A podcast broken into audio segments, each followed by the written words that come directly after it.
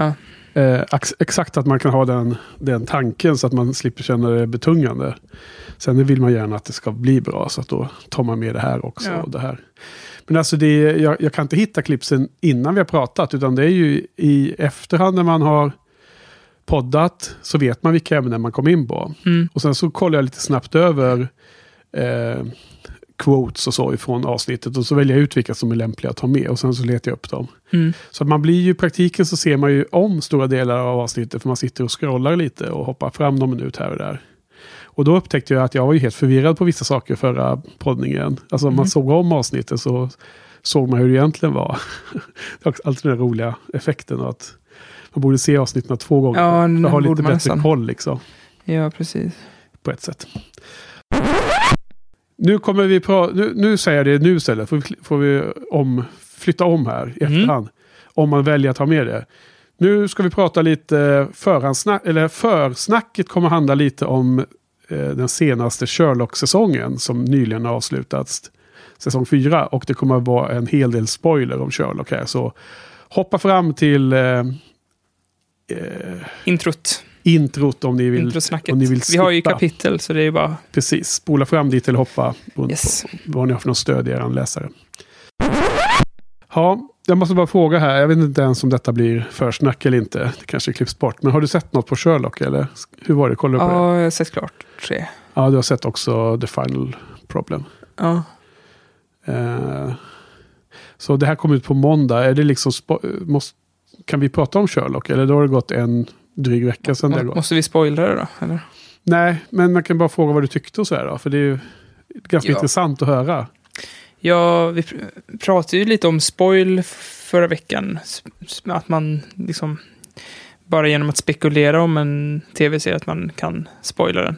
Men Ja. jag tycker det är lite likadant att, att man kan spoila sina känslor kring en eh, serie eller film. Alltså, Ja. vi pr- pratade om det, jag tror inte det var i podden, att man, vi var på Malmö filmdagar, att man liksom tar efter varandras åsikter och jag tror att det är mer så än vad man vill erkänna för sig själv, att man påverkar varandra väldigt mycket.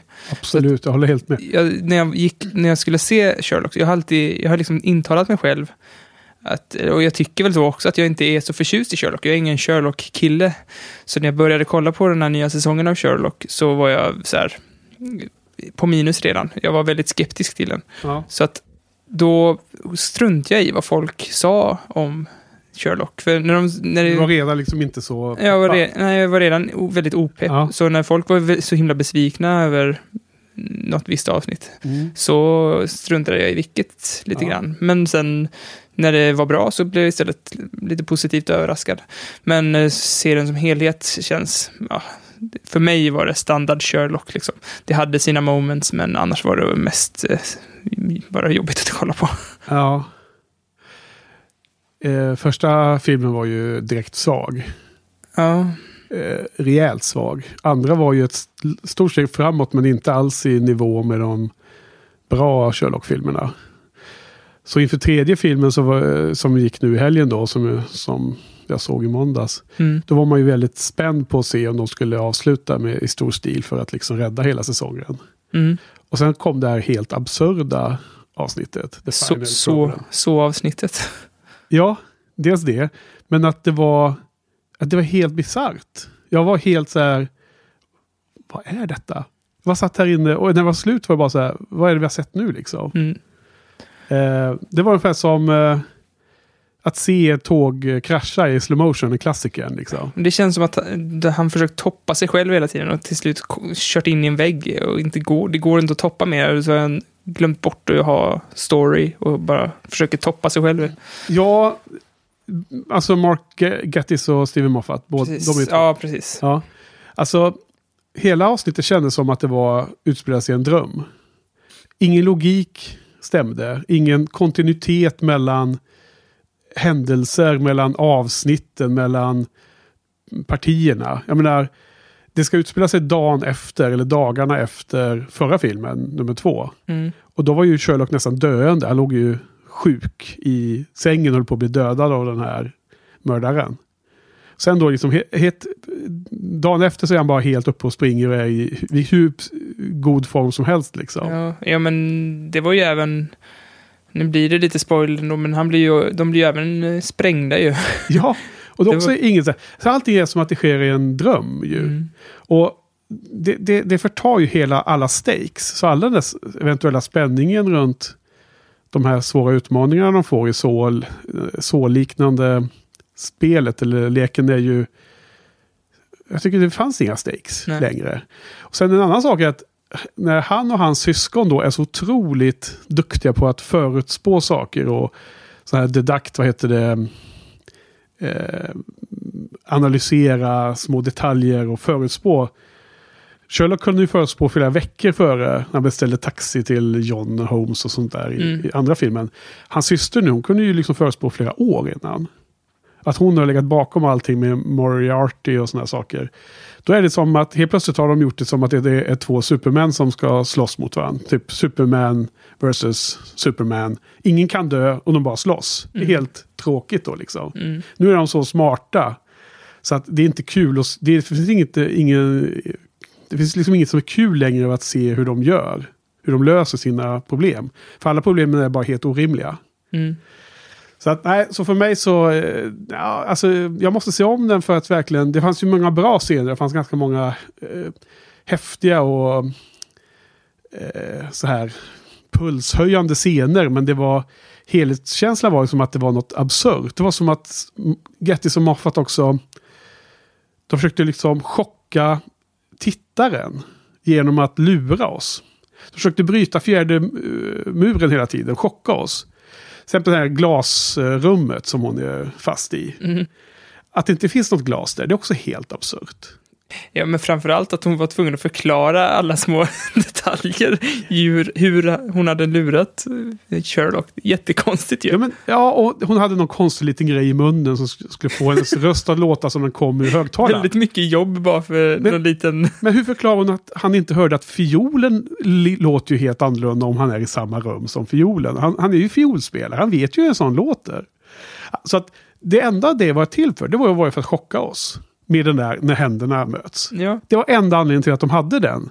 Och det var flera sådana saker, att de ska chocka Tittarna. bröt fjärde glasväggen. Ja, precis. Liksom, det, är inte, det är inte det man blir imponerad av, att de lu- lurar oss. För det kan de göra hur lätt som helst. Det är bara att göra en konstig scen så blir vi chockade. Mm. Utan man vill ju se Sherlock och karaktärerna bli lurade eller inte lurade.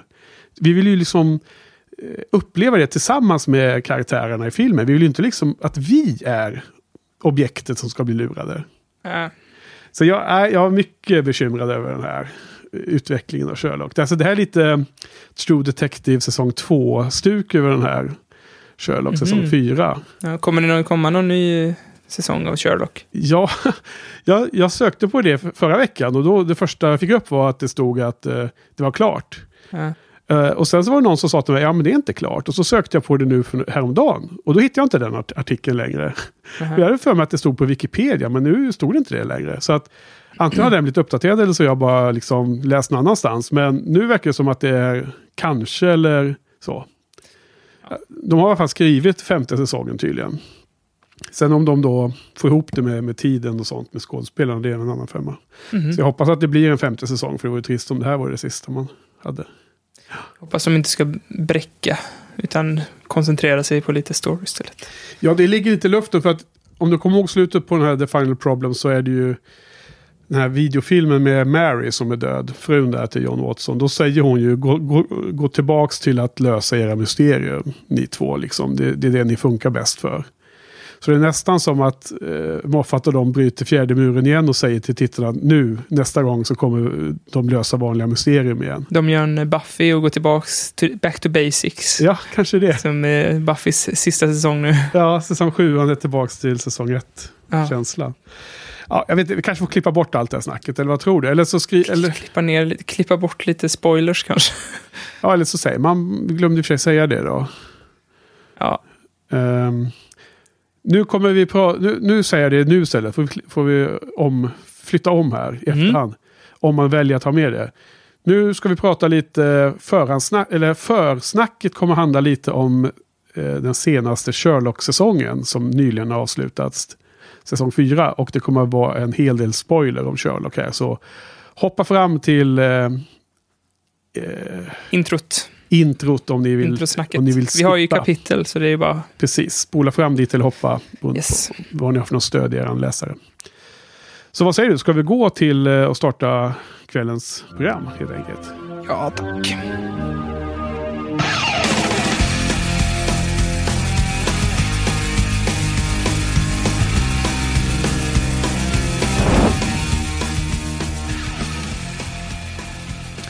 Välkommen till avsnitt 40 av Buffy-podden. Idag kommer vi spoilerfritt prata om, till skillnad för, mot försnacket, eh, kommer vi spoilerfritt snacka om eh, avsnitten Help, Selfless och Him. Ja. Har jag glömt något nu? Nej, tre avsnitt idag igen. Mm. Nice. Och eh, ska vi hoppa rakt in i en eh, mailbox? Ja, vår inbox. Mm. Shoot. Det är ju lite kortare idag kan vi säga för vi spelar in tidigare än, än normalt. Ja, På grund av att vi båda ska eh, vara omkring oss på eh, Stockholms filmdagar här i veckan. Så vi kan inte spela in på vår vanliga dag. precis. För, ö, för övrigt så såg jag att det här är väl nästan inbox att eh, i alla fall Jojje hade eh, skrivit till eh, Joel att han ska se, göra, göra klart den här topplistan. Ja, just det.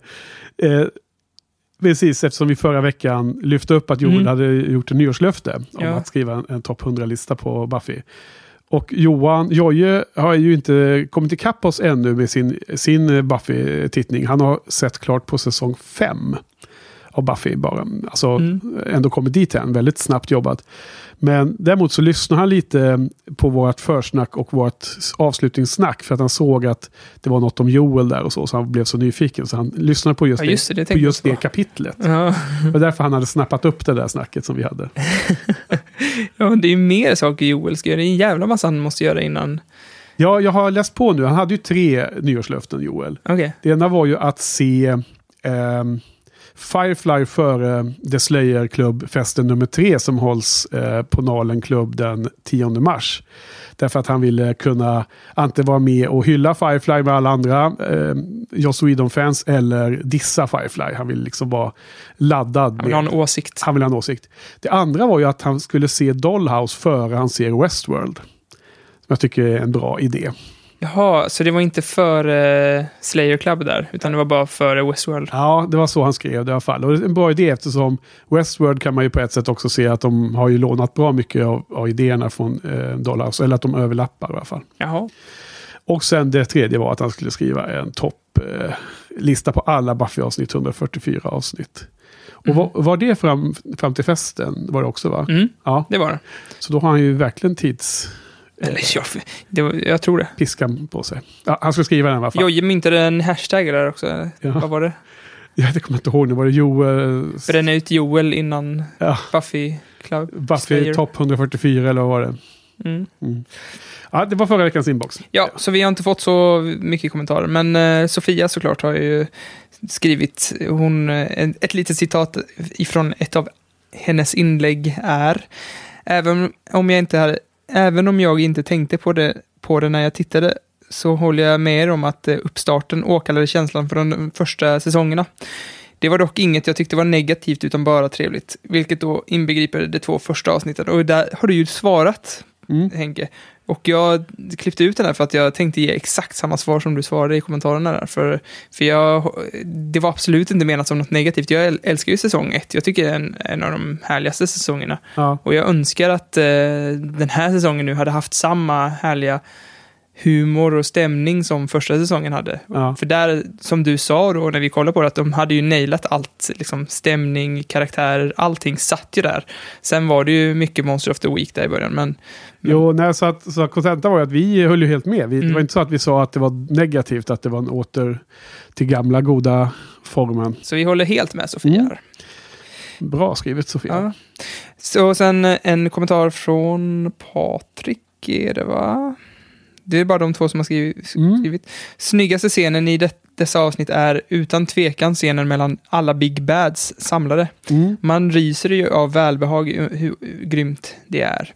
Det är ytterligare en del av hela cirkeln är sluten-temat för säsongen. Ja. Och det är, väl också, det är väl det som jag kanske har kallat för back to basic. Ja, mer. Det är samma, samma vibb. där. Samma tänk. Det var lustigt för att eh, jag klippte ju förra veckans podd, eh, Jag kommer att klippa den här veckan också, men då blir det mer naturligt att man ser ju om avsnittet nästan, ja, mer eller mindre, för att man tar ut ljudklipp och sånt från, från eh, avsnittet. Mm. Och då insåg jag ju att jag hade förvirrat ihop den där sista bra scenen som, som Patrik lyfter här nu då, med en annan sekvens i avsnittet. Så när vi pratade om det förra veckan så kan eventuellt jag ha låtit helt förvirrad. Men när jag såg om den scenen så insåg jag dess storhet också, tyckte verkligen att den var Mm. badass. Vad blandar du ihop den med då? Nej men alltså jag har för mig att det hände tidigare i avsnittet och när, vi, när jag satt och klippte så hörde jag mig själv svamla massor med felaktigheter. Men det kanske inte var någon som tänkte på det. Men Om inte Ja, jag tänkte på det. jag, jag blev extra känslig över det när jag nyss hade tittat om på scenen när jag skulle ta ut ljudet därifrån. Då. Det var inte tillräckligt för att du skulle spela om nytt där, dubba dig Nej, själv. nej, nej, nej, nej. Alltså det är ju, det är ju våran grej där med Buffy-podden. Vi, eh, vi klipper ganska lite i snacket för då får man ta med alla sina eh, dum, dumheter och felsägningar. Ja. Likväl med att man får, då får man på köpet en mer flödande och he, Dynamisk. hela, hela samtalet är ju idén. Ja. Men du man bjuda på det. skrev någonting om att det- du, eh, du uppfattade inte som att det var the big bad där, utan det var eh, i, i Spikes huvud bara. Mm, Och jag, alltså jag önskar att jag orkade kolla om på det här avsnittet, ja. men det kommer jag inte göra. Men jag uppfattade det som att det var, det var den Big Bad som, eh, samma som hade liksom åkallat de här spökena som inte var spöken, men de Ja. där talismandemonerna eller vad det var. Alltså det är lite oklart där. Alltså ett tag... Eh, jag håller med, Patrik var den som, som skrev i sin, eh, si- sitt inlägg på inboxen eh, att han såg det som var i, i Spikes huvud. Och, det, och den förklaringen köper jag rakt av. Det jag allra först kanske fångade vibben var väl att det var nästan som en så här, bryta fjärde muren, att det var lite showen visade oss liksom som en, precis i samma, samma syfte som att peka tillbaks i tiden och knyta ihop säcken och det här back to basics. Att man fick en resa med, mellan de här sex olika Mm. big bads. Men det, det make no sense liksom. Det, det skulle vara bara helt eh, out of character av showen att, att, att visa något som inte är i showen. Som är bryta fjärde eh, the, the fourth wall. Så att, så att jag, jag köper nog Patriks förklaring mer. Att det är liksom Spikes inre monolog. Han, han får de här Jag, jag demonerna i huvudet. att man ska vara lite osäker på att man, att man inte riktigt vet om det är Spikes demoner eller... Ja, För, för det känns ju som att det är lite... Det är ju fler som har blivit, fått tillbaka själen och inte brutit ihop på samma sätt absolut. som han. Det, det såg jag också att du kommenterade och det håller jag med om. Men samtidigt så, så pass få så att det finns som har fått tillbaka själen. Så att det är liksom den gruppen är så liten så att, så att det är nog fortfarande utrymme för att alla Ja. kan eh, hantera det Och nu olika. kommer jag ihåg vad jag själv skrev också. Är, han är ju ganska klen. William, han är ju, verkar lite töntig, så det Ja. kan inte, förvåna mig inte om han, han eh, blev lite knasig av att få tillbaka sin själ. Ja, nej, men jag, jag tolkar inte, och Sofia var också inne på det i en av sina kommentarer, att hon inte riktigt förstod vem det var som hade fått tillbaka de här demonerna via talismanen. Och det håller jag med om. Jag tycker aldrig att man får riktigt klarhet i det. Eh, om det skulle vara någon form av eh, Eh, person eller monster i slutet som de dessutom kan föreställa sig som de här sex olika big bads. Någon form av shapeshifter som vi, som vi pratar om på podden. Då är det ganska dåligt implementerat. För jag tycker det, det, man, man får aldrig den känslan. Alltså Sofia undrar ju också lite, vem var det som som hade fått fram de här demonerna. Mm. Så det är väl fler som har inte riktigt fattat exakt hur det där hängde ihop. Nej, och det tror jag är lite med, flit. Ja, kan det vara. Att, att man inte riktigt ska veta vad som händer. Ja, Och jag tycker det är lite nice att, att, man, att pusselbitar kommer lite från Ja, höger och vänster ja. lite då och då. ja nej, men, eh, personligen så väljer jag att eh, gå vidare här från den här punkten och tänka att det sker i, i Spikes huvud. Det är min eh, plan A, att leva med den. Ja, jag, ska, jag ska nog inte dra någon, spika någon slutsats. Nej. Jag bara går vidare. Ja, Men bra. eh, ska vi gå in på första avsnittet? Absolut. So you're not doing your homework? I guess not. It all just seems kind of. whatever. I know high school can seem kind of frustrating. But if you just get through it, then you can go to college, you know, or you can join the French Foreign Legion or, or anything you want. Yeah, well, I'm not gonna do all that stuff. Okay, no Foreign Legion. I get that. I mean, all the changing your name and, and being indentured for all those years and occupying Algeria. It's just that I'm not graduating from high school. Why not? I really like that shirt. Where'd you get it? Cassie, don't change the subject. Why won't you graduate? Because next Friday I'm gonna die.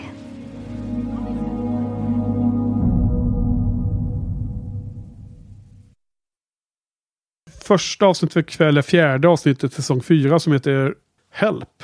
Mm. Och eh, ska jag lite kort då säga vad det handlar om eh, för att påminna våra lyssnare.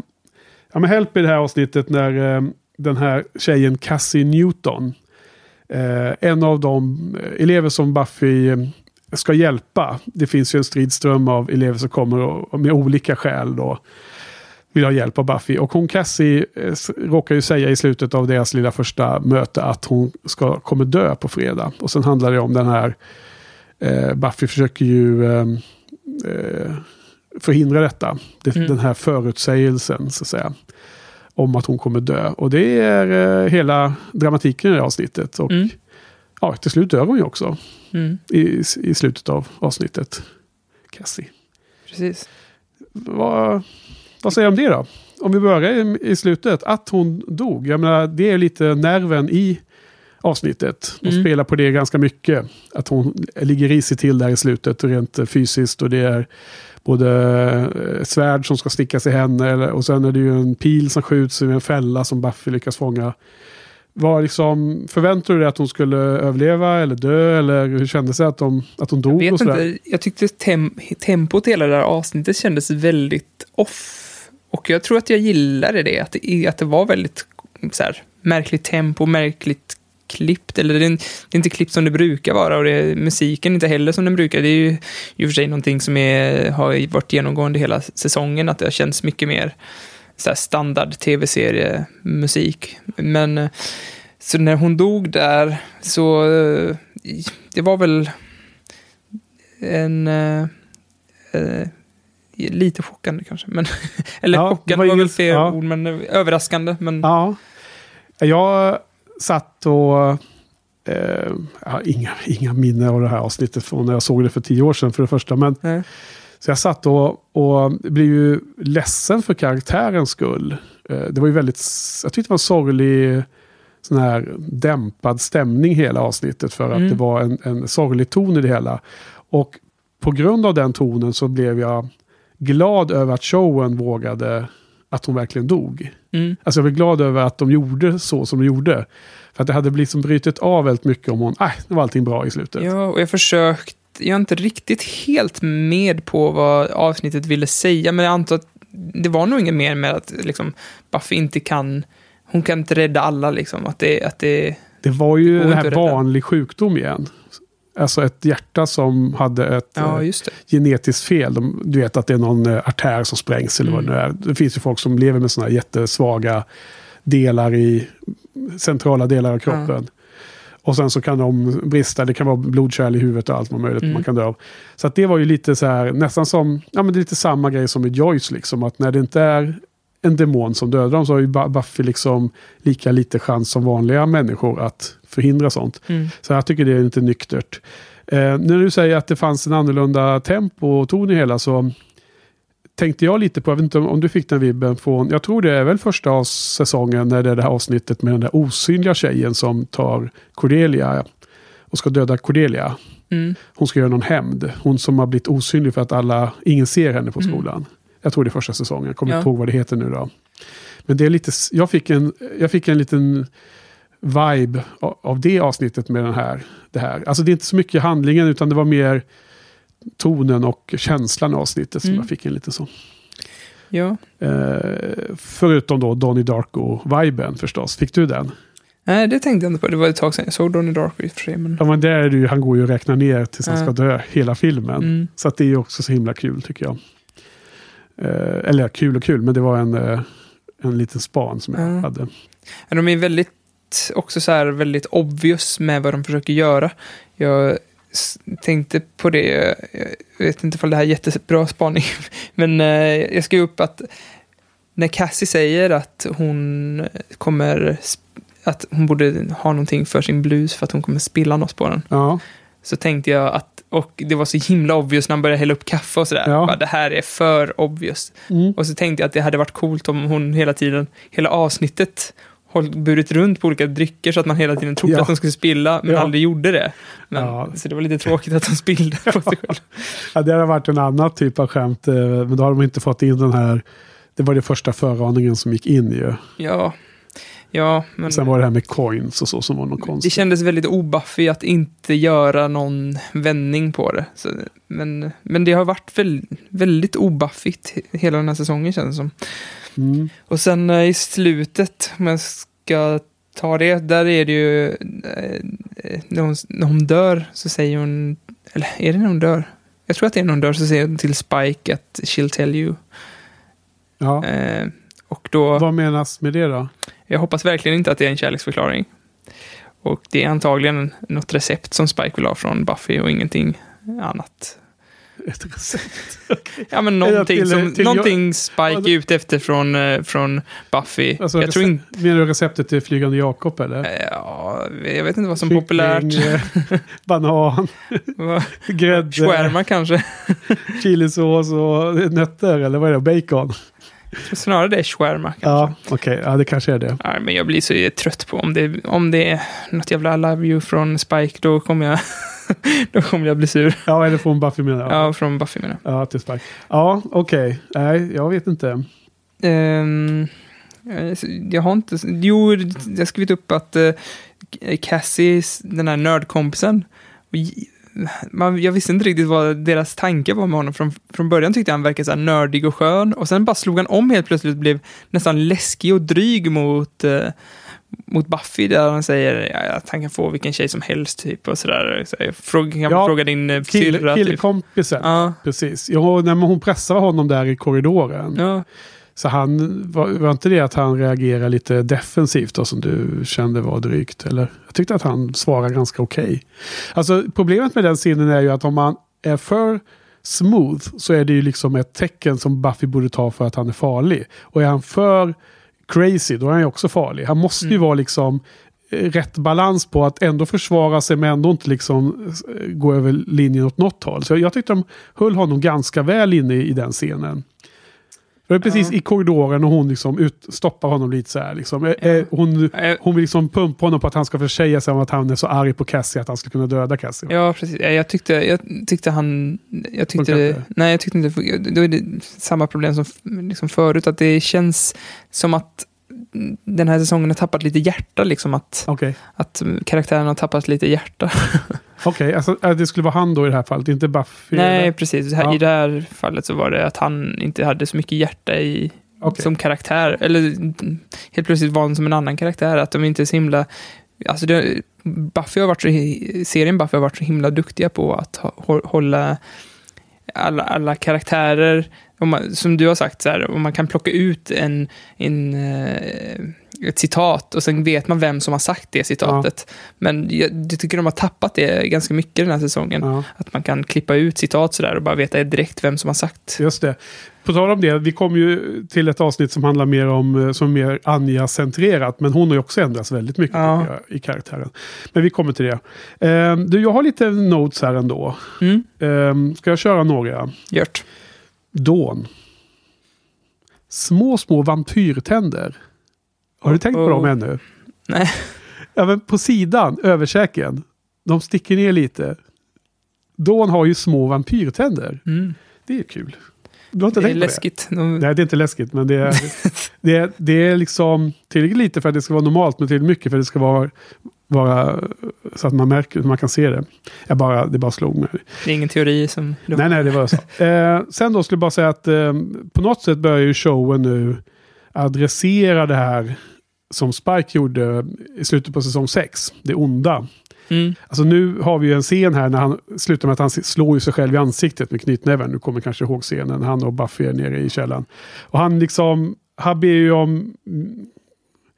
Alltså jag vill bara konstatera det för att vi har ju pratat om det flera gånger om att de scener, man kan ju ha scener med hemska saker men det måste hanteras Mm. efteråt på ett bra sätt. Och nu känns det som att showen börjar eventuellt lite för sent men ändå komma ikapp med att hantera konsekvenserna. Mm. Han lider ångestkval över det och det, det är liksom bara det jag ville få fram. Mm. På samma sätt som Anja för övrigt får börja möta konsekvenserna av sitt Vengeance Demon äh, leverne i det Ja. kommande avsnittet.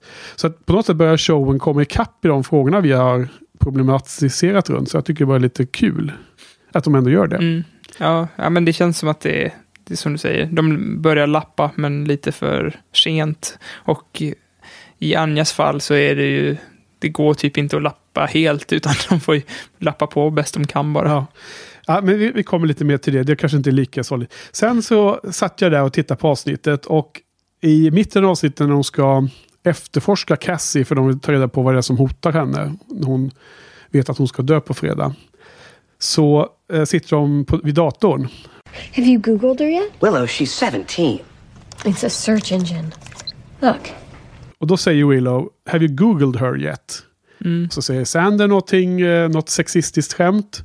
Han missuppfattar eh, eh, vad det betyder. Hon är bara 16, säger jag. Ja, precis. Något sånt där. Han missuppfattar vad Google betyder. Han tror att det är att glo på.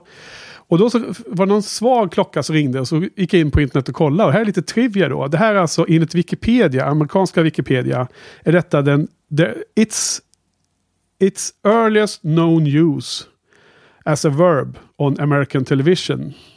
Alltså, nu, om man söker på Google, Google, eller Googled, så är det här första kända tillfället det används som ett verb i amerikansk television är i det här avsnittet. Mm. Det är Willow.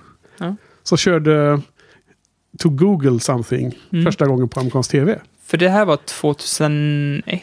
Oktober 15 2002. 2002. Ja. Ja, och var inte Alta Vista ganska stort fortfarande 2002? Det kan, ja, jag vet, ja, det kan säkert ha varit. Så det är ju bara där. Ja, det är möjligt. Hur menar du att den kopplingen? Nej, för jag, vet- jag är så dålig på år. Men jag har för mig att, att man eh, sökte på Alta Vista. Ja, men Ganska- visst fanns det andra innan och det var bara kul med att det är i den, i den vevan som, hon, som de plockar upp det här Google-ordet. Att de var, att de var före sin tid även där. Alltså att Ja, folk fortfarande kunde- använde Alta Ja, Vista. Eller jag vet inte. Ja, Det här nej, men hitta på bara. det kanske är en, eh, en eh, kunskap, en trivia som alla känner till. Men jag Ja. tycker det var lite roligt att slå på det. Och Men sen, påhittad fakta är också fakta. Ja, på, det står ju där att det är det här avsnittet. Här. Ja, men jag tänkte på min fakta. Ja, ja, ja, ja, just. Just. Nej, men det stämmer säkert. Det tror jag nog. Ja, vad är det mer? I slutet är det någon eh, dialog där som är... Eh, jag tycker att det finns någon sen- sentens där, eller vad heter det, någon, någon, eh, något budskap där att Buffy får ju liksom lära sig att hon gjorde allt hon kunde för Cassie men det hjälpte inte, hon dog ändå. Mm. Och sen så s- sista scenen att hon kommer tillbaka och sätter sig i sin stol där hon jobbar. Eh, som eh, counselor. Liksom det är bara- det är bara att jobba vidare. Liksom. Man kan inte göra mer. Man måste bara på igen så att säga. Ja, Det kanske var det som var budskapet. Showen måste gå vidare. You get back on it, tror jag är en citat från vad de sa där i, Mm. i dialogen där. För övrigt så kommenterar ju Sofia det, något som jag också absolut tänkte på, men inte lyfte upp förra veckan, var ju att en dålig plats hon hade, arbetsplats. För liksom, man undrar ju varför de här eleverna ens vill våga säga alla sina hemlisar, för de sitter ju helt öppet. Ja, jag tänkte faktiskt också på I det. något förrum liksom framför Ja. Vad heter det, eh, rektorn där. My- Mycket dålig arbetsplats. Ja, men vad tyckte du om det här avsnittet? Har du några mer kommentarer? Nope. Jag vet inte om vi har täckt in så mycket, men det var inte så himla... De här killarna och den där konstiga lilla eh, druidsekten som skulle få massor med rikedomar, de kändes ganska meningslösa. De var inte så viktiga för det här. Nej. Det var andra saker som... Wood säger thank God it's fri- Friday. Ja. Är, är det någon produktplacering för TGI Friday sen? Jag, jag tolkar det skämtet som att den restaurangen finns och att han tyckte att det var liksom svennigt att utbrista den, den, den, den, eh, den sägningen som har gjort som restaurangen har tagit som sin slogan. Mm. Liksom. Eller sitt namn slash slogan. Så tolkar jag det, men det, det bygger på att TGIF fanns då, men det har väl funnits länge antar jag. Så. Ja, jag har ingen aning. Nej. Eh, Okej, nej. ehm, jag tyckte att hon, uh, Cassie, hade... Lade du märke till hennes t-shirt i första scenen hon var med? Det var som här tecknade två figurer som såg ut som sån här japansk anime typ. Nej. Tänkte inte på det? Nej, jag bara tänkte om det var någon om det, man skulle känna igen dem på något sätt om de var kända. Jag har ingen aning. Nej, okej. Du, eh, betyg då? Vad tyckte du om avsnittet? Jag har satt sju av tio, men det känns ju nästan som en sexa nu när vi snackat om det. Jag har snackat ner det, vad synd. Nej, jag vet. Alltså, jag läste någon artikel om att man alltid kommer ihåg eh, när man minns tillbaka saker så minns man alltid, jag vet inte, hög, höjdpunkterna kanske är fel ord, men att där känslan varit som högst. Ja. Man minns inte de små grejerna. Nej. Och i Buffy är det ju ofta så att man, det är de små grejerna som är det bra. Och höjdpunkterna är ju bara att ja, men de plockar fram någon bazooka och skjuter the judge. Liksom. Det, Ja. det är bara förbi, det ska man bara förbi. Men i alla fall, när jag tänker tillbaka på det här avsnittet så är det ju inte, den har inte några riktiga höjdpunkter eh, som jag minns. Men när jag hade sett avsnittet så tyckte jag att det var, att det var en sjua liksom. Ja, men för det första så, så, köpt, så tror jag absolut att man kommer ihåg de emotionella höjdpunkterna. Och för, eh, för oss, tror jag, både dig och mig, så är ju alltid de, de karaktärsdrivna höjdpunkterna. Mm. Det är inte de actiondriv, det är inte actionscenerna som är höjdpunkterna. Nej. För mig i alla fall. Jag tror inte för dig heller. Nej, men även när det är höjdpunkter hos karaktären, att det, att det sker karaktärsutveckling. Ja, Det är ju, det är ju en sak, men, men också ibland kan det bara vara härlig dialog ja, och man vill bara sitta och hänga med skobisarna. ja. Det kommer man ju inte ihåg, men man kommer ihåg när karaktärerna avancerar, när, när Buffy och- Willow blir vänner igen och de eh, liksom ja sitter där på sängen. Ja, men det är lite både och. Alltså, jag tror att eh, här, om man applicerar det på det här avsnittet så tror jag att jag kommer mest ihåg den här känslan av att det är en väldigt sorglig ton hela tiden. Jag tycker Mm. hela tiden att det, Ja, att det är väldigt eh, så kommer man väl ihåg när hon faller ihop där. liksom lite betungande att man känner hela tiden att nej, men det är nog kört för den här Cassie. Och det var därför det kändes så himla skönt att showen verkligen fullföljde det fullt ut. Mm. Annars har man känt sig lite blåst på den känslan. Ehm, sen så, eh, det är klart att de, de jättestarka scenerna när Spike hänger på korset och bränner sig och sådana saker. Det kanske man kommer ihåg mer tydligt från förra veckan. Men jag tycker att man ibland ändå kommer ihåg de där mysiga scenerna som du också nämner. Mm, Alltså där kan, ibland kan hela avsnitt bara vara som en skön stämning. mm. Och då kommer man faktiskt ihåg det trots allt. Men jag vet Ja. inte om det här hade så många sådana stämningar. Nej, det scener. tycker jag inte jag heller.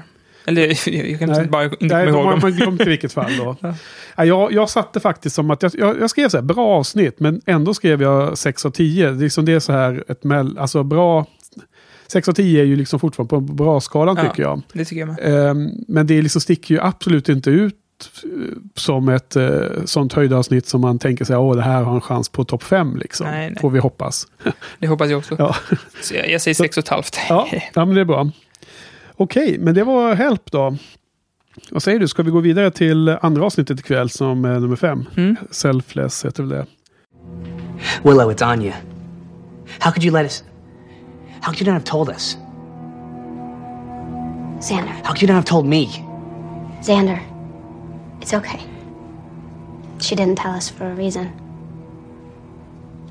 She didn't tell us because she knows what I have to do. I have to kill Anya.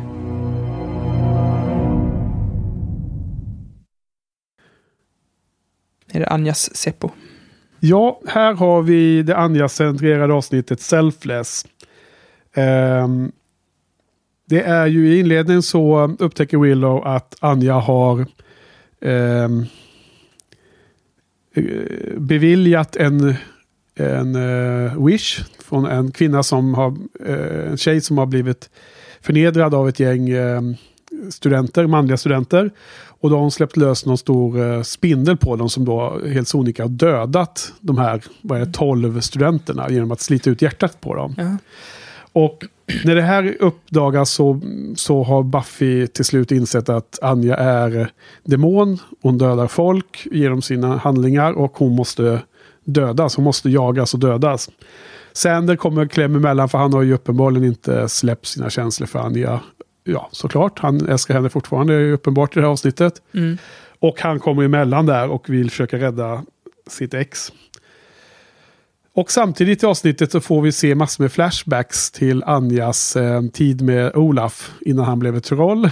Mm. Och vad är det, 880, så är det länge sedan. Och i någon, uppe i Norden någonstans där de pratar något konstigt språk där man hör bra många svenska ord, lustigt Mm. nog, under avsnittets gång.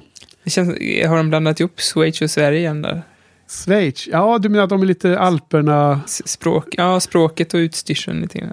Ja, jag tänkte inte så mycket på det, men utstyrseln hade de eh, sådana där näverbyxor och grejer? Eller? vad heter det? Uh, jag kommer inte ihåg. Ja, ja. Men det var lite eh, grund upp setupen på det här då. då. Det skulle väl vara ett eh, klassiskt Buffy-avsnitt där det finns en blandning av väldigt mycket humoristiska scener med en viss allvar i att den här Anja går, har ju en, en liten Eh, utveckling här då där hon väljer att eh, avsäga sig att vara Vengeance Demon. Hon har ju fått problem med att man får inte döda och sådär. Hon börjar ju liksom prata om det, om att det här är inte bra och så. Och, och det slutar med att Willow räddar upp situationen genom att ta dit den där chefen, vad han nu heter. Eh, och, ehm, och då så ska ju Anja offra sig där. där. Hon måste offras. En, en Vengeance Demon måste dö för att eh, de här pojkarna ska få livet tillbaks och det ska bli ogjort. Och så blir det en liten switch där att det blir hennes bästis Halfrek som blir offrad istället. Mm. Va- Vad säger du om det då? Blir du överraskad där eller? Ja, Jag var ju faktiskt lite eh, spänd på hur de skulle knyta ihop det här. För det kändes som att de, när de skrev det här avsnittet, så grävde de och grävde de och grävde. Så här, grävde, Mm. grävde in sig i ett hörn, säger man inte. Men, ehm, så att, jättesnygg snygg lösning var det väl inte, men det var, det var ändå trevligt jag att kommer ihåg, i scenen som är så får man en, fick jag en känsla av att nästan Sanders skulle vilja offra sig för Anjas skull. Och att jag hann tänka att då kanske han blir benådad bara för att det är den ultimata offringen liksom. Men inte behöva bli dödad då, då. Jag vet inte hur det skulle hänga ihop i logiken men jag fick en kort kort vibb av det. Men sen så var det en annan lösning de har hittat på. På tal om då hittat på så är det skrivet av Drew Goddard. Och Jaha. jag tror att detta är första avsnittet som jag har lagt märke till att han har varit med och skrivit i alla fall. Mm. Och är det inte han som eh, har gjort Cabin in the Woods tillsammans med Joss, eller? Jo. Det är det va? Jag tror att han har jobbat på Angel också om jag inte helt... Jag har inte dubbelkollat det här innan men Nej. jag tror det är så. Så. Ja, men vad, vad, men vad tyckte du om det här avsnittet då? Eh, på pappret borde det ju vara ett superavsnitt då med Anja och allting. Eller för, för mig i alla fall, eftersom jag har ju älskat henne nu i två och ett halvt säsonger innan eller vad det är. Hon Ja. har varit med. Nej, men det, jag tror att det är samma problem med det här avsnittet som de, de flesta i den här säsongen. Det är att det saknar lite hjärta, saknar lite gött tugg från skobisarna. Och eh, den försöker vara ta upp väldigt allvarliga frågor liksom. Och eh, det, det tycker jag, det har ju Buffy bevisat att det kan man göra. Men här ly- lyckas de inte riktigt för att för hela hennes försöker, de försöker lappa ihop hennes bakgrund och sådär. Och det, blir liksom bara som ett lapptäcke som de måste liksom få ut. Ja. Och inte någon riktig plan för hur de ska jag vet inte, röra ihop den här soppan. Ja, alltså det finns så mycket att säga om det här avsnittet. Det är ju fullmatat med saker. Det är Mm. flashbacks med till 880 när, när hon lever med Olaf och sen man får se den bak, bakgrunden när hon eh, omvandlar honom till ett troll. Mm. Som hon verkar göra innan hon får jobbet som Vengeance Demon. Det är därför eh, The Hoffering kommer där och är imponerad av henne. Och Ja. du har ju na- natural skills eller vad han säger. Och dessutom så får man aldrig riktigt se att, att eh, Olof hade varit eh, otrogen. Det verkar som Anja bara trodde det för att han har varit på, på, på Vet puben. du vad? Jag, när jag såg hela den flashbacken så hade jag otroligt svårt att ta till mig vad som hände. För jag satt bara och försökte, utan att ta hjälp av textningen, lista ut vad de sa. Ja, ja. Det var så här, ibland så hörde man något svenskt ord här och Ja. där. Så att jag var inte helt med på vad som hände där faktiskt. Just det, jag tror jag skrev av det någonstans vad de sa på svenska. Men du kan jag inte hitta här i mina notes.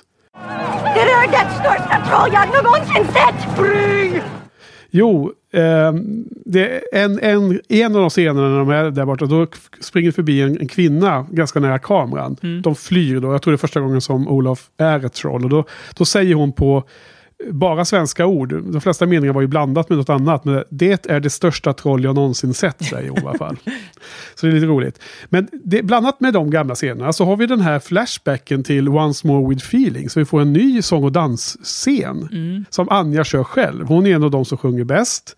Jättekul på ett sätt men också lite så här lite random att det bara fanns här mitt i det här avsnittet. Ja. Det känns nästan som att eh, Joss bara sagt till Drew, ah, du måste ha med en sång och dans, vi har en låt kvar liksom. Släng in den här, det är Anja. Men i slutändan så måste jag säga att när det gäller Anja så, jag tyckte att det var mycket bättre när Anja var riktigt Anja, som Anja var för Anjask. An, an, Anjanka var Anja-esk Ja. i mina ögon. Jag tycker inte det blir lika bra när man nu ska dissekera henne så himla mycket. Man ska gå ner på minsta detalj här och, Nej, eftersom och hon... Liksom plocka isär henne och sen sätta ihop henne igen. För när man plockar isär den så ser man ju att bitarna inte riktigt passar. Det är det som är problemet tror jag, att de inte har haft någon tanke med henne från början. Jag lyssnade på samma podcast som sist, ska se om jag kommer ihåg vad den hette. Nej, det kommer jag inte ihåg. Eh, Jag kommer fortfarande... Var det buffering?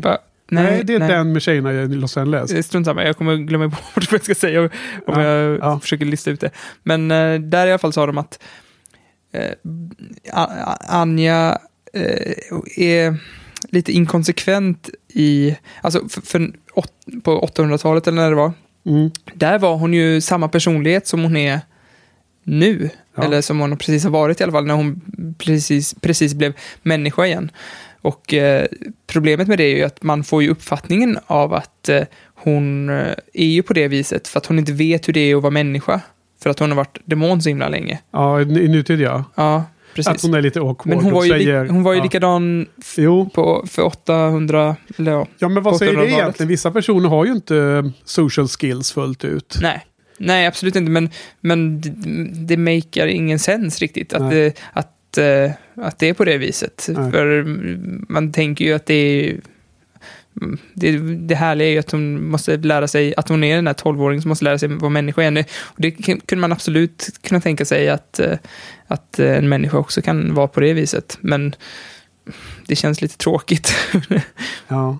Jo, nej, alltså jag är så himla besviken på mig själv att inte jag reagerade starkare på det här Anja-avsnittet. Jag är så, eller egentligen är jag besviken på showen såklart. Men jag är, jag är ledsen för att inte jag hade det här som ett att det här blir ett favoritavsnitt för att jag hade ju, jag gillar ju Anja så mycket egentligen, har jag ju fått för mig.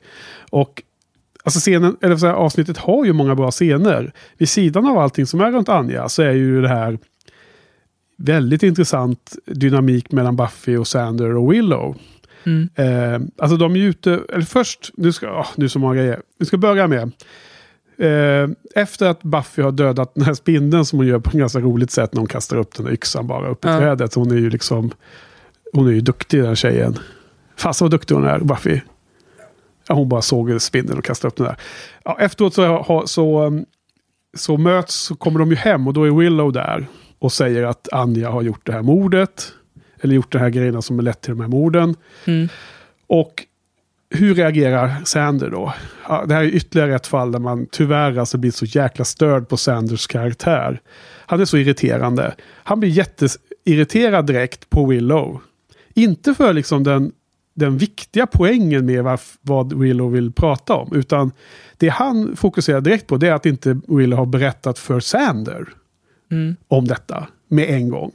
Han gör det som en jättestor grej. Varför har du inte sagt det till mig liksom, med en gång? Det, det är det viktigaste. Buffy förstår ju direkt att det Willow vill, vill få fram är att de måste döda henne. Ja. Det är ju liksom en, den stora diskussionen. Men Sander är så otroligt egocentrisk och självcentrerad att han blir störd över att Willow inte har, har kommit och berättat det för honom en gång.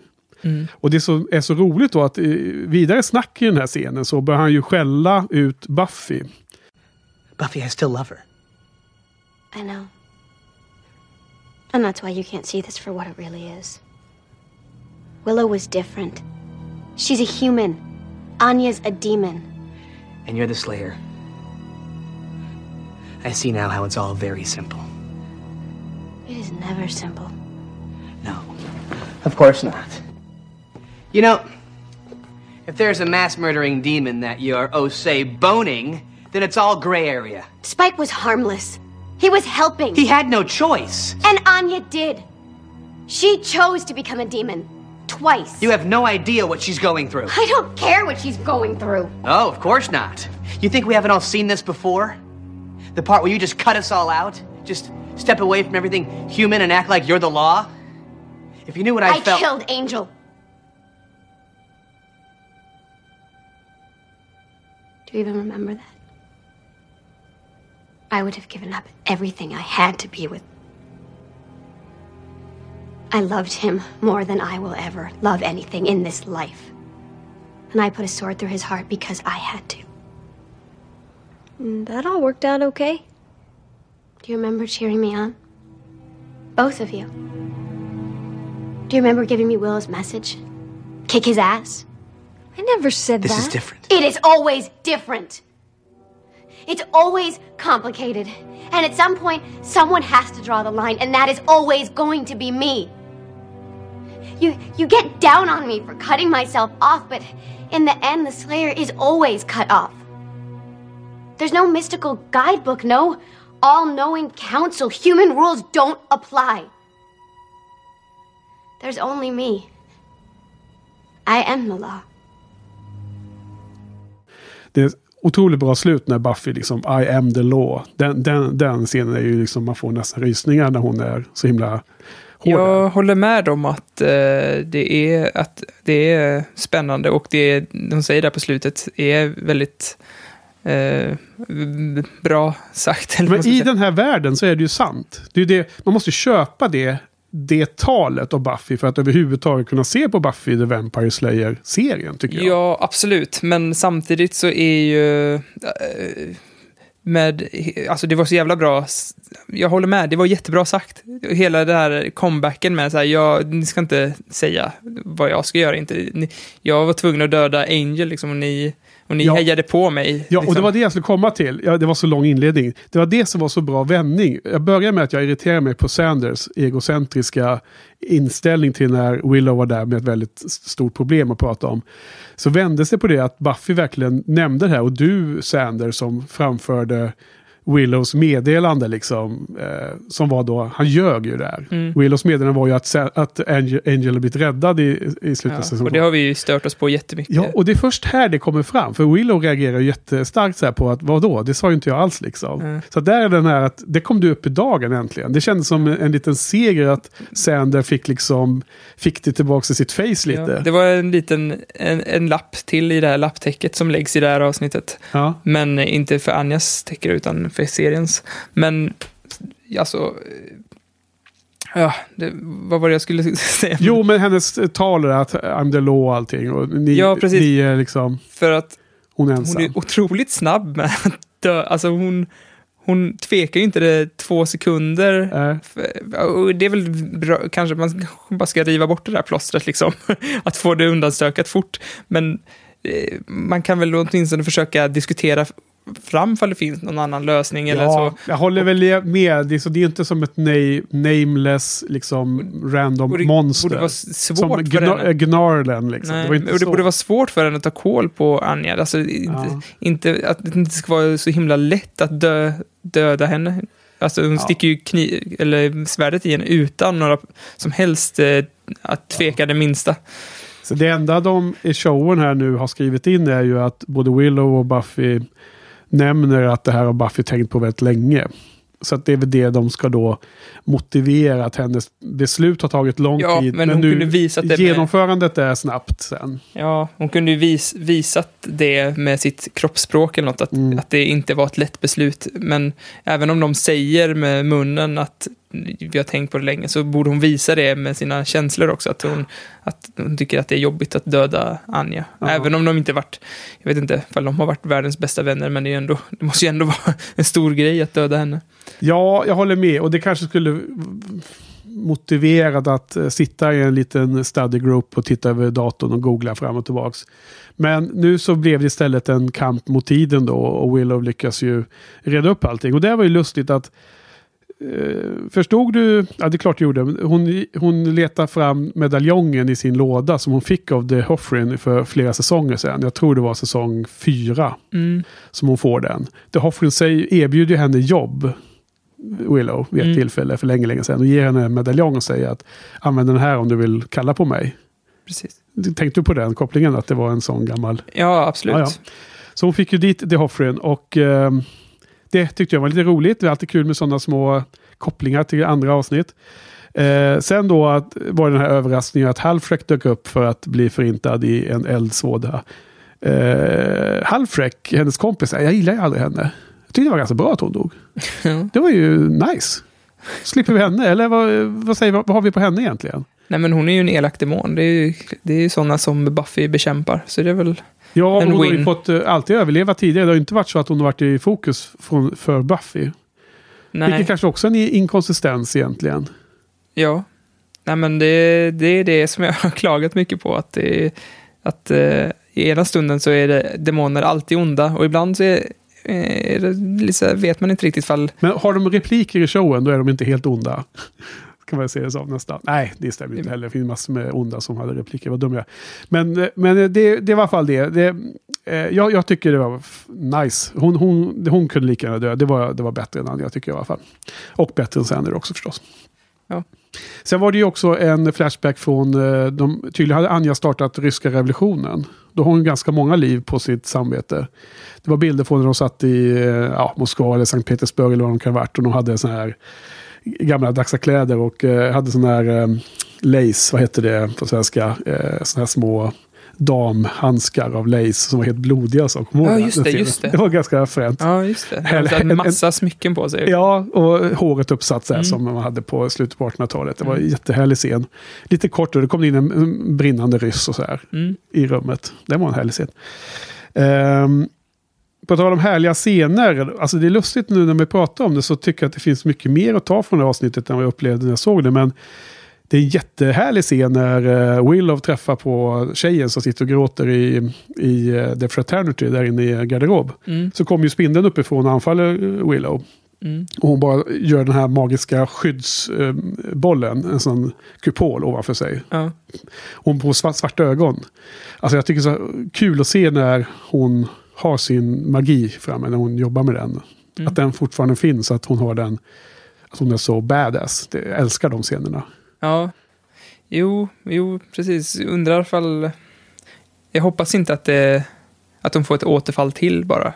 Men, men det, är väl, det är väl bara för att visa, antar jag, att hon fortfarande håller på att kämpa med det. Inte att hon håller på att få ett återfall liksom. Nej men det har vi redan fått klart. Det har ju Mr. Giles sagt att det här är en del av henne nu. Det är ju inte ett...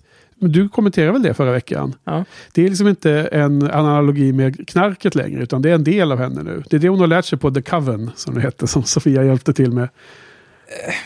Men, så hon, tolkar jag det. men när hon får svarta ögon så är det väl en typ av magi som hon inte vill väcka hos sig själv.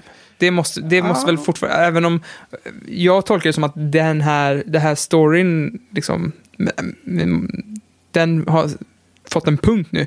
Men att eh, hon fortfarande inte, hon har ju inte avslutat, eh, alltså hon, den covern-grejen, den, hon hann ju inte gå hela AA-programmet eller vad man ska säga, Nej. utan hon fick avbryta lite tidigare. Och hon har inte riktigt, hon är inte he- helt frisk. Och eh, hon måste liksom fortsätta kämpa med att hålla tillbaka de här krafterna inom sig.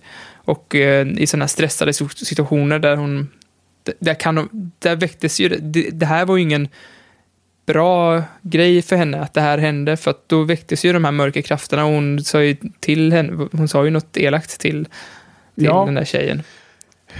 Ja, alltså jag hör ju vad du säger och det, det är väl så kanske man ska tolka det. Vi kan ju be folk skriva in i sina, skriva in kommentarer under här på, hems, på våran eh, buffypodden.se. Ja.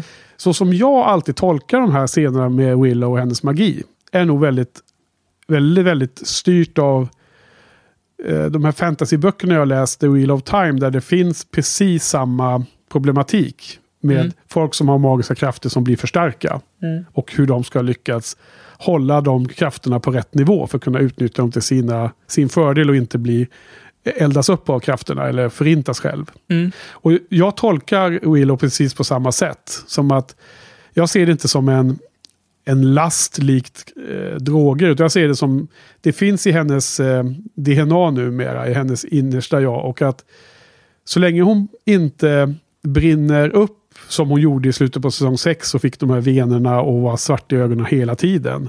Så, så är det mer eller mindre gott för det är liksom den här typen av saker hon kan göra. Hon räddade sitt liv på det här sättet liksom. Mm. Så att, men den gränsen finns där någonstans. Och jag tror också att skulle hon vara, köra magi hela tiden då skulle hon liksom tappa fotfästet i verkligheten och balla ur igen. Men kan hon liksom hålla... Det hon skulle lära sig i England var ju att bemästra den här kraften. Mm. Inte bli av med den. Det är det jag vill komma till. Nej, men jag tror att det har visats också att det finns olika typer av magier. Och den här liksom övermäktiga, få svarta ögon-magin, den försöker hon liksom hålla nere. Ja. Men sen vart man drar den här gränsen för vad som är farligt. Ja, det, det här visar de ju bara att det finns kvar inom henne. Ja, och det, och det är jag tycker är så bra. För annars är hon en mindre intressant karaktär om hon skulle Mm. ha förlorat det här. Jag, jag tycker också det är bra. Det, Ja. det är bara det att jag, jag är o, orolig för att de ska köra samma story igen bara. Ja, ja. Det, det är det jag inte vill. Att, jag vill att den här missbruksallegorin ska vara avslutad. Ja, ja. ja, men då är vi helt eniga där om. För Mm. den har man verkligen, den hästen har man, är död nu, den har man slagit. Ja. Det är en död häst, som räcker inte att slå på den längre, den kommer inte röra på sig något mer. Eh, Får vi hoppas. Ja, nej men ändå så tyckte jag att det här var en besvikelse om vi börjar närma oss slutet på det här snacket. Eller du kanske har något mer eh, Nej, jag är funderingar? ganska nöjd där. Alltså, intressant avsnitt ändå att de hade lyckats kräma in så himla mycket olika... Det är väldigt mycket scener. Det är väldigt många fler scener än normalt va? Ja. Känns det som nu när vi pratar om det? Ja, jag vet inte, men Joss har väl pratat om att man alltid ska ha, eh, eller han propsar ju för att man ska ha eh, att, att ett, ett scen där man, där man sitter och pratar bara väldigt mycket. Mm. Att det blir bara för rörigt om man bara har höjdpunkt efter höjdpunkt efter höjdpunkt. Ja, Och här känns det som att man har haft mest höjdpunkt efter höjdpunkt och aldrig liksom samlat trupperna och suttit och snackat igenom situationen. Och nej, aldrig sugit in haft, eh, stämning. en bra stämning precis. Det, det, ja, det kanske, jag vet inte, det kanske är en nybörjarmiss här då från Goddard. Men, men eh, det är ett speciellt avsnitt i mina ögon just därför att det finns många bra fragment, många bra scener. Men jag tycker inte att helheten var, helheten var eh, till- tillfredsställande för mig. Nej. Eh, jag satt eh, direkt efter titeln och liksom utan att hålla på och överarbeta det så satte jag betyg 5 av 10 på det här. Jag satte en sexa, men jag kanske sänker till fem och en halv. ja, ja. nej, men jag tror att, nej, jag sänker fan till fem. Jag blev lite besviken på att eh, Buffy bara, det kändes out of character. Allting känns out of character. ja. Det är det, det enda jag har att komma med.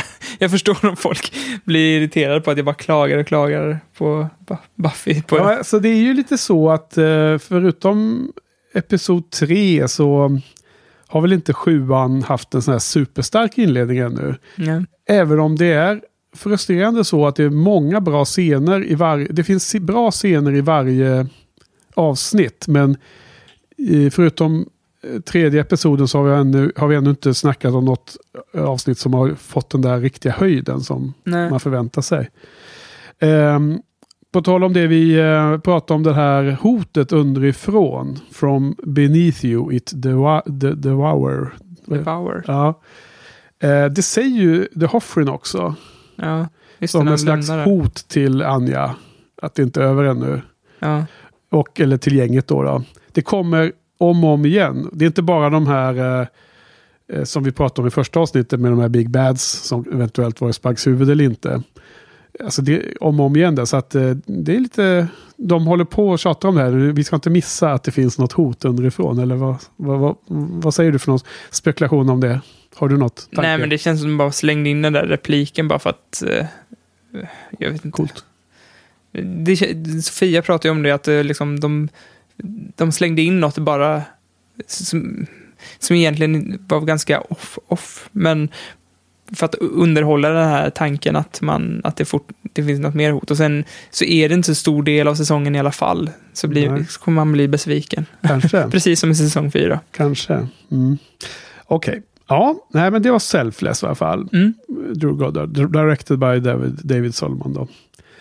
Okej, men du. Då har vi eh, det, det tredje avsnittet kvar. Mm, ska jag ta det? Absolut. Vi tar en kort paus. With was his deep caring and devotion to me. What's going on? Willow thinks she's in love with my boyfriend, RJ. What? No! You two can't do this. Willow, you're a gay woman. And he isn't? This isn't about his physical presence.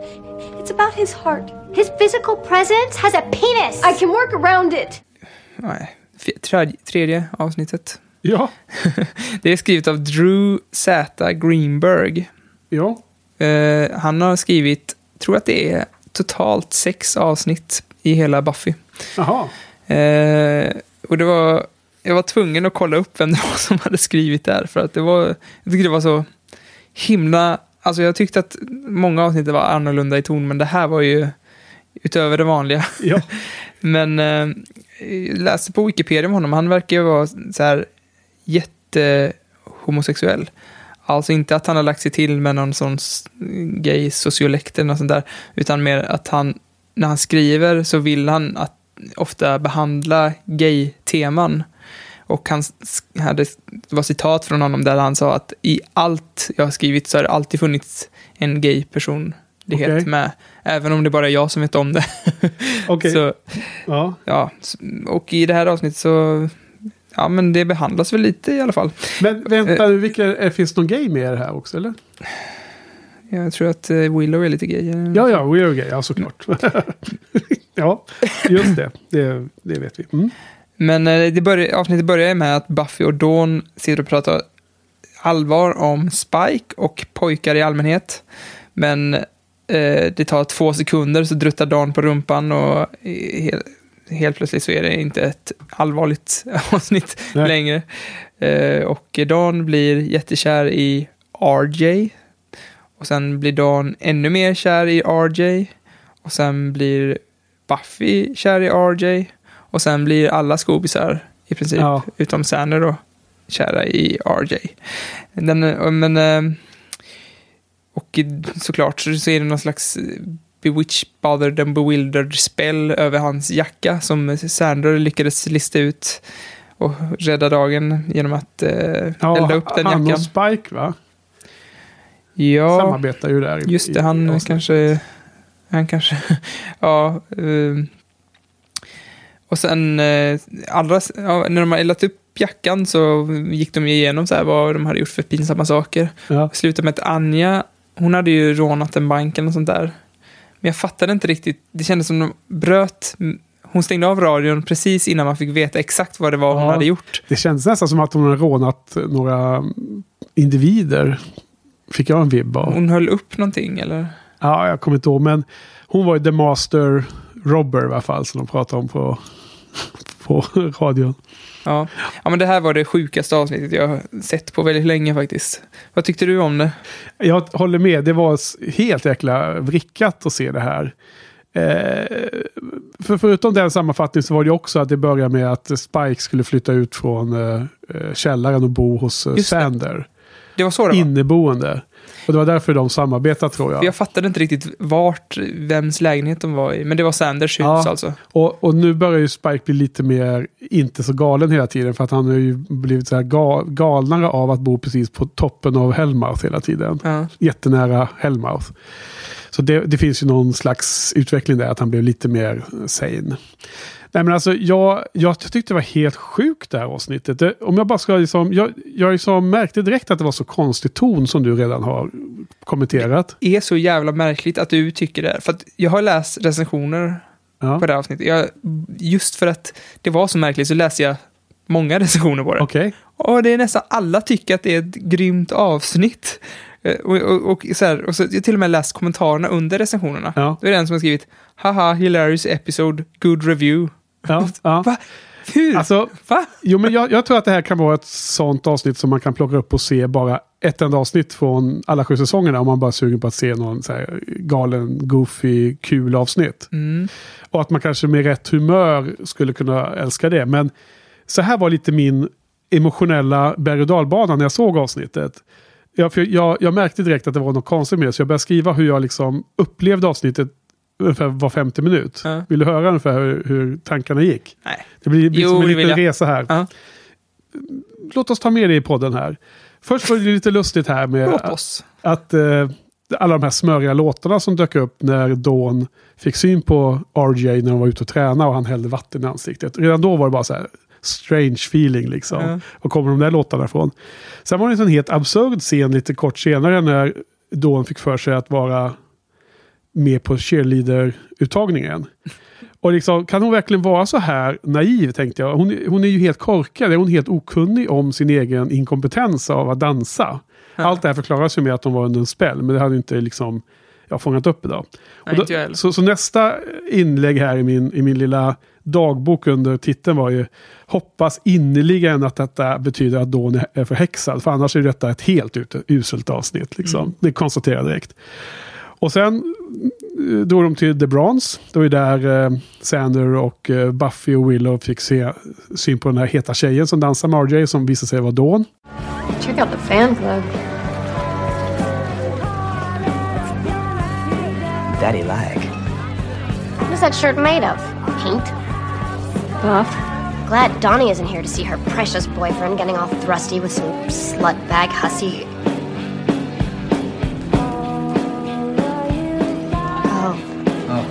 Oh, no. Daddy, no, I wasn't. When I was looking, I wasn't. Oh, God. Right there with you. Åh, det var en kul grej. Det första som var kul med avsnittet det var ju att det var en ny skylt på The Bronze. Såg du det? En ny neonskylt. Nej, det missade jag. det Och det. Jag trodde att du skulle säga att det var Sanders vidriga kommentar till att Ja. hon var het. Ja, men så, den, var ju, den var sexistisk och lite svämning, men ja, det var, det, det var Nej, så. men den var ju vidrigt tråkig alltså. Ja, den var dålig kanske. Ja, det var... Okej, men då i alla fall kom jag på, det måste vara ju något, något magiskt, för Buffy är ju också helt, eh, helt eh, galen nu. Så då fattar man. Nu, var, nu förstod man ju vad avsnittet gick ut för. Är det kul då? då? Nej, tyckte jag faktiskt inte. Det, det, var, det kunde ju ha varit ett säsongs tre avsnitt kul av detta. Precis som Deceppo eller Bewitched. Bewitch, eh, Bewildered. and Va, va, vad det nu heter då. Men jag tyckte ändå att det var något som fattades i allt detta. Ehm, Hjärta och humor. ja, Jag svara. Eh, sen, sen tyckte jag då lite senare när både Anja och Willow blev föll för honom. Då började jag tycka att det var ganska kul ändå. Speciellt Willow är ju ganska rolig där. Och deras dialog när Anja eh, försäger sig till Willow att, att Willow kom på idén att hon kan göra om honom till en tjej. Ja, jag tyckte Alltså, också... Jag tyckte det var lite kul i Det slutet. var lite som den här eh, filmen, vad fan, Seth Rogen-film när det är riddare och skit, eller vad är det? De skär bort någon penis eller vad det är. Till slut så gav jag bara upp och jag var skrattade faktiskt hö- högt åt att när, när Willow säger att hon eh, work around the penis. Ja, ja, ja. Alltså, hon var så precis. jävla pragmatisk helt Ja. plötsligt. Bara, I'll work around it. Ja, och på något sätt så bröt jag också ihop till slut och tyckte att det var kul i slutet när alla var som mest galna. Men nej, alltså det här, jag var kanske på fel, eller vi kanske båda då, om du, du verkar ju också vara på samma våglängd.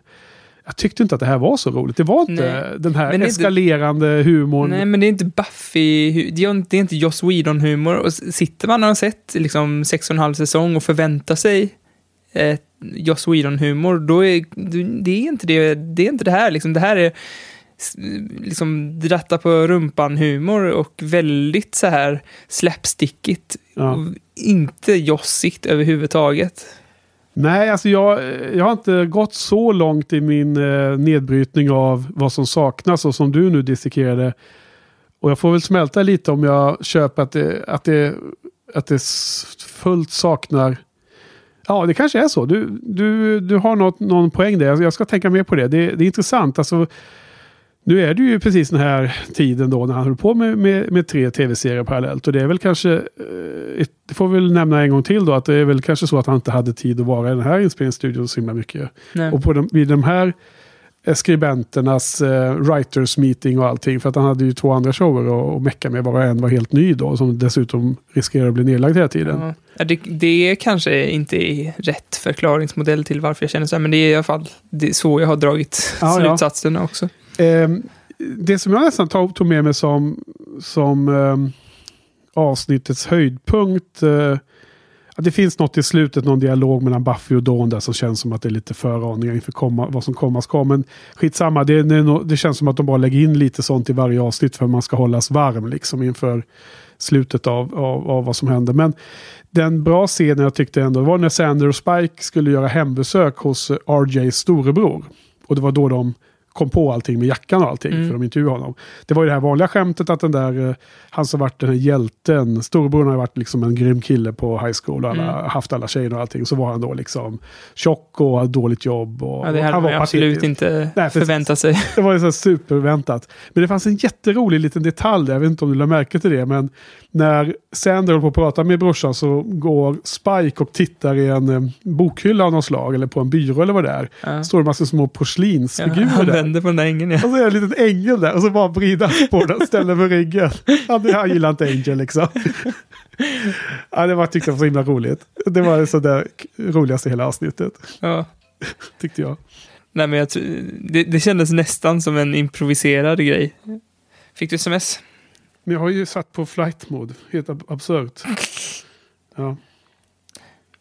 Men ja, en sak som jag trodde skulle vara en, en, eh, en bra grej. Jag, jag satt nästan och hoppades på att det skulle bli sämre och sämre, för jag ville bara egentligen hata det här avsnittet. Okej. Men när Buffy började bli kär i... Alltså precis innan man visste att, att någonting var fel med Buffy och hon satt och, raggade på den här RJ, Ja.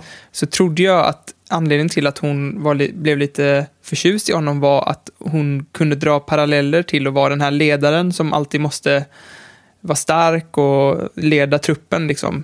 Precis Ja. som RJ är. ja, i laget där. Ja. Han var Och då trodde jag, ja men det kan ju vara rätt intressant liksom grej, men så är det bara, nej men Nej. jag är mer sexuellt erfaren av dig och det är inte så jag är inte Ja. så mycket äldre och Ja. let's get it on. Nej, ja, ja, jag förstår hur du tänkte där, men jag måste säga att jag, jag, jag tror inte att Buffy han säga mer än ett halvt ord av, av den förförelsen där liksom innan jag fattade, aha okej, nu, nu är det ju en förbannelse. Och då var det, tyckte jag, ganska skönt. Jag hade egentligen inget önskemål att hata avsnittet, men jag, jag tyckte verkligen att det var svindåligt den här Ja. gången. Ja, men.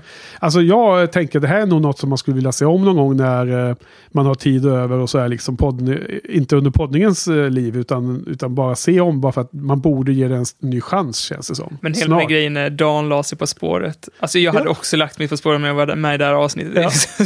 så jävla fruktansvärt. Men det är så jävla ko- eh, konstig scen. För det här tar de upp i den här podcasten som jag aldrig kommer ihåg vad den heter. Ja. Också. The Buffy Rewatch heter den. Jaha. Eh, Vadå, att- ser de på Buffy? De ser om Buffy då eller? The Buffy Rewatch. Ja, det, det kanske inte är det den heter, för de ser det från första början tror jag. ja. Skitsamma. Skitsamma.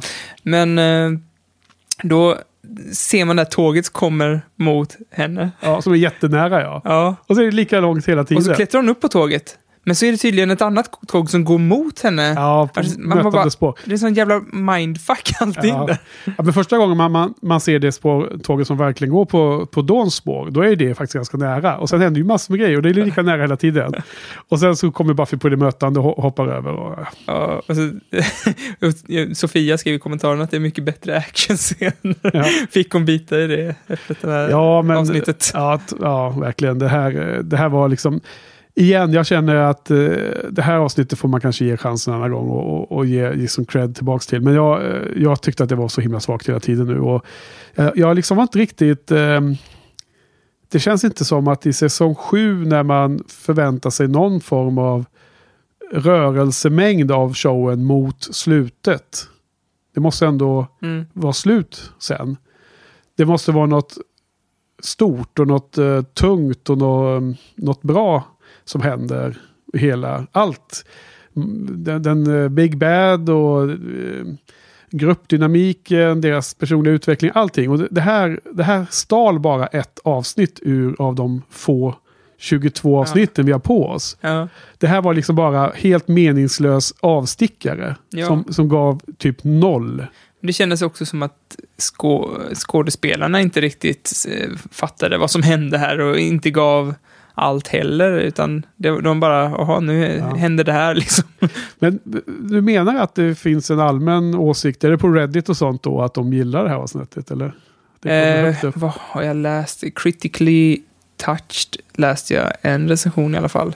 Ja. Sen vet jag inte riktigt vart jag läst de andra. Det är lite Nej. säkert Reddit. Ja, det är väldigt eh, konstigt i alla fall. Vad har du satt för några betyg då? Innan vi snackar ner det nu här. Alltså jag har satt en 2 av 10, men jag vet inte ifall jag ska sänka till 1. Oj då, nu har du aldrig gett en etta tidigare. Har jag inte det? Nej, jag tror inte det. Beer Bad har jag inte gett en etta. Kanske, jag kan komma ihåg fel, men det känns inte så i min eh, mage. Nej, nej, jag tyckte verkligen att det var... I och för sig så... Jag, fick jag lärde mig tre nya ord. Jaha, Perturbed, Snitt och Rumpus Room. okej. De var jag tvungen att googla. ja, Jag kollade på. jaha. Jag kommer inte ens ihåg när de sades. Jag, jag, jag tycker det finns vi- vissa små roliga scener. Eh, Spike eh, med eh, Ängeln och Willow och Anja snack om Array. Jag, jag, jag tyckte en 3 av 10 var, var en lämplig nivå. Ja, fasen, har vi blivit så... eh, Hen- Henke Likey. Nej, va? han säger Daddy Likey till... Eh, men du, har vi blivit så eh, sammansmälta nu i, i... Vi har pratat så mycket om showen så att vi tycker likadant om showen så vi inte ens kan Ja, vi Finna- i början. finna avsnitt som du tycker åtta och jag tycker fyra och vice versa.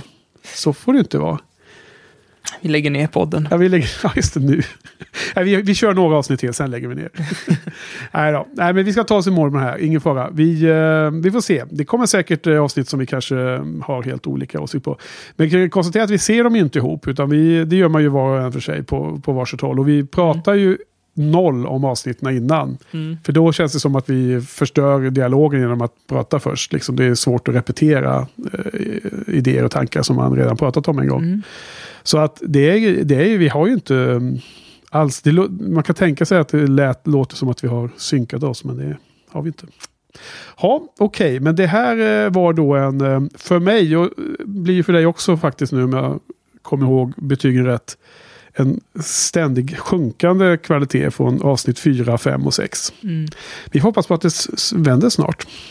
Avsnitt sju brukar alltid... Alltså, jag måste säga att jag Ja. såg kanske en minut på avsnitt sju. Nej, Och det kändes... Alltså, det kändes så jäkla mycket bättre. okej. bara på en minut. Så Ja. att, eh, jag vill bara säga det. Jag vill sprida lite positivitet också. Ja. Alltså, det var väl... Alltså, det är så konstigt att man bara kan få en känsla efter en minut att Ja. det här avsnittet kommer vara bra. Alltså, jag, kommer, Lovande. jag kommer knappt ihåg vad som hände. Jag bara kände det här kommer bli bra. Ja, ja. Vad heter det? Vi får inte titta på början av nästa för det är alltid farligt. Men det gick alltid igång. Jaha. Det gick igång av sig självt. Ja, ja, ja. ja. Okej, okej. Du är förlåten. Ingen fara. Ja, men du. ehm, då var det det avsnittet. Det, det känns ändå som att det var flera lite miss... eh, Ja, det var en här. dålig trio där. ja, Vi kör fyra avsnitt nästa gång va? nej, men det är faktiskt tre då också. Okej. Och då är då sjunde avsnittet, om vi nu ska lista vilka vi ska köra nästa gång Johan. Eh, sjunde avsnittet heter ju Conversations with Dead People. Kan du spoila vem som har skrivit det? Nej, jag ser inte det här. Så att, inte- just nu. Säkert någon eh, bra. Nej, men det är Jane Espenson. Det är det. Ja. Mm. Bra. Och sen har vi åttonde avsnittet som heter Sleeper. Eh, för övrigt samma namn som det finns en Woody Allen-film som heter. Ja, exakt trivia. Och nionde avsnittet heter Never Leave Me. Mhm. Så, det är tre stycken till nästa gång. Som vi ser fram emot. Cool. Ja. Ja, vad tyckte du om dagens uh, skörd då? Och dagens poddning? Eh, jag har varit... Eh, jag känner att jag var väldigt trött och väldigt negativ och väldigt svamlig. Så jag hoppas att ni har stått ut med det här. Ja, Så nästa, nästa avsnitt kommer det bara bli positivt och jag kommer vara aspigg och det glad. lovar vi. Ja. Nej, men eh, nej, svamligt tycker jag inte alls. Det har varit väldigt bra och intressanta. Jag tror att eh, jag har låtit dig prata mest kanske. nej, nej, men jag tycker att du har fått med mycket olika perspektiv som eh, man får en helt annan djup i sin egen tanke om avsnitten när man hör de här olika, när man för det här, det här samtalet som jag tycker är väldigt bra. Mm. Det är ju det som är det själva poängen med allting. Okej då, men eh, ha, ja, men då har vi väl, eh, ja då är vi klara med idag. Det är liksom superkort. Det är så konstigt att det inte köra tre timmars sittning. Att det blev så kort helt plötsligt. Det var nästan nere på de här tiderna som vi hade de allra första avsnitten. När det var bara lite drygt en timme. Mm. Men det blir säkert bra. Jag får klippa som en galning i helgen och eh, slänga in mycket ljud, eh, härliga ljudklips ifrån avsnitten. Daddy Likey, kommer du ta med det?